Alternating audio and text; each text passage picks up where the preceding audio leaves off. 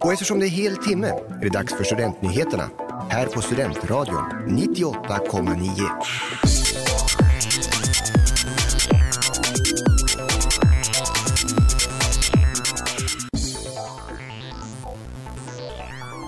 Misstänkt fusk, väntetid i tingsrätten, valborg ställs in och den nya pandemilagen. Det här är veckans nyheter.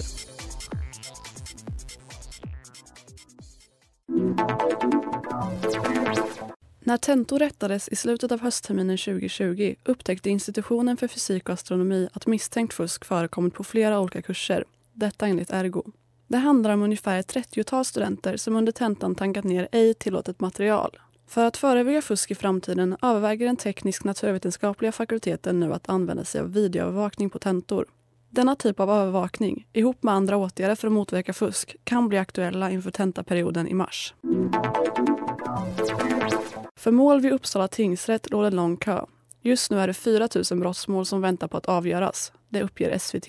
Cecilia Barketorp, chef för Uppsala tingsrätt, menar att många mål inte kommer kunna prövas förrän under hösten.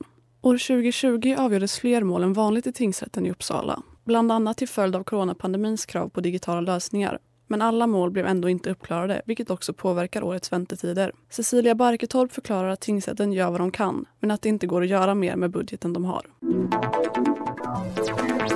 I slutet av januari beslutades det att det efterlängtade valborgsfirandet inte blir av 2021. Det rapporterar SVT. År 2020 ställdes vårfirandet in till följd av coronavirusets spridning och för de som hoppats på en vanlig valborg år 2021 kom alltså ett beklagligt besked. Även i år sätter pandemin stopp för de aktiviteter som annars brukar ta plats den sista april. Erik Pelling, kommunstyrelsens ordförande, säger att beslutet togs redan nu i januari eftersom valborgsfirandet innefattar en omfattande planering av många aktörer och eftersom det visar exempel på att livet, trots vaccineringen som just nu pågår i Sverige, inte kommer vara som vanligt i vår. Han pekar dock på att digitala alternativ kan komma att ersätta de aktiviteter som vanligtvis brukar genomföras i Uppsala.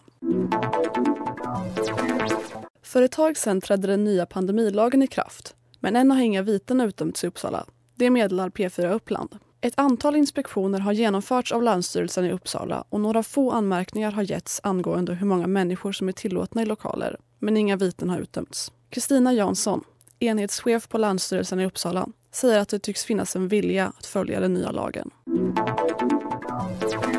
Du har lyssnat på nyheterna i Studentradion 98,9 med Elvira Oberger.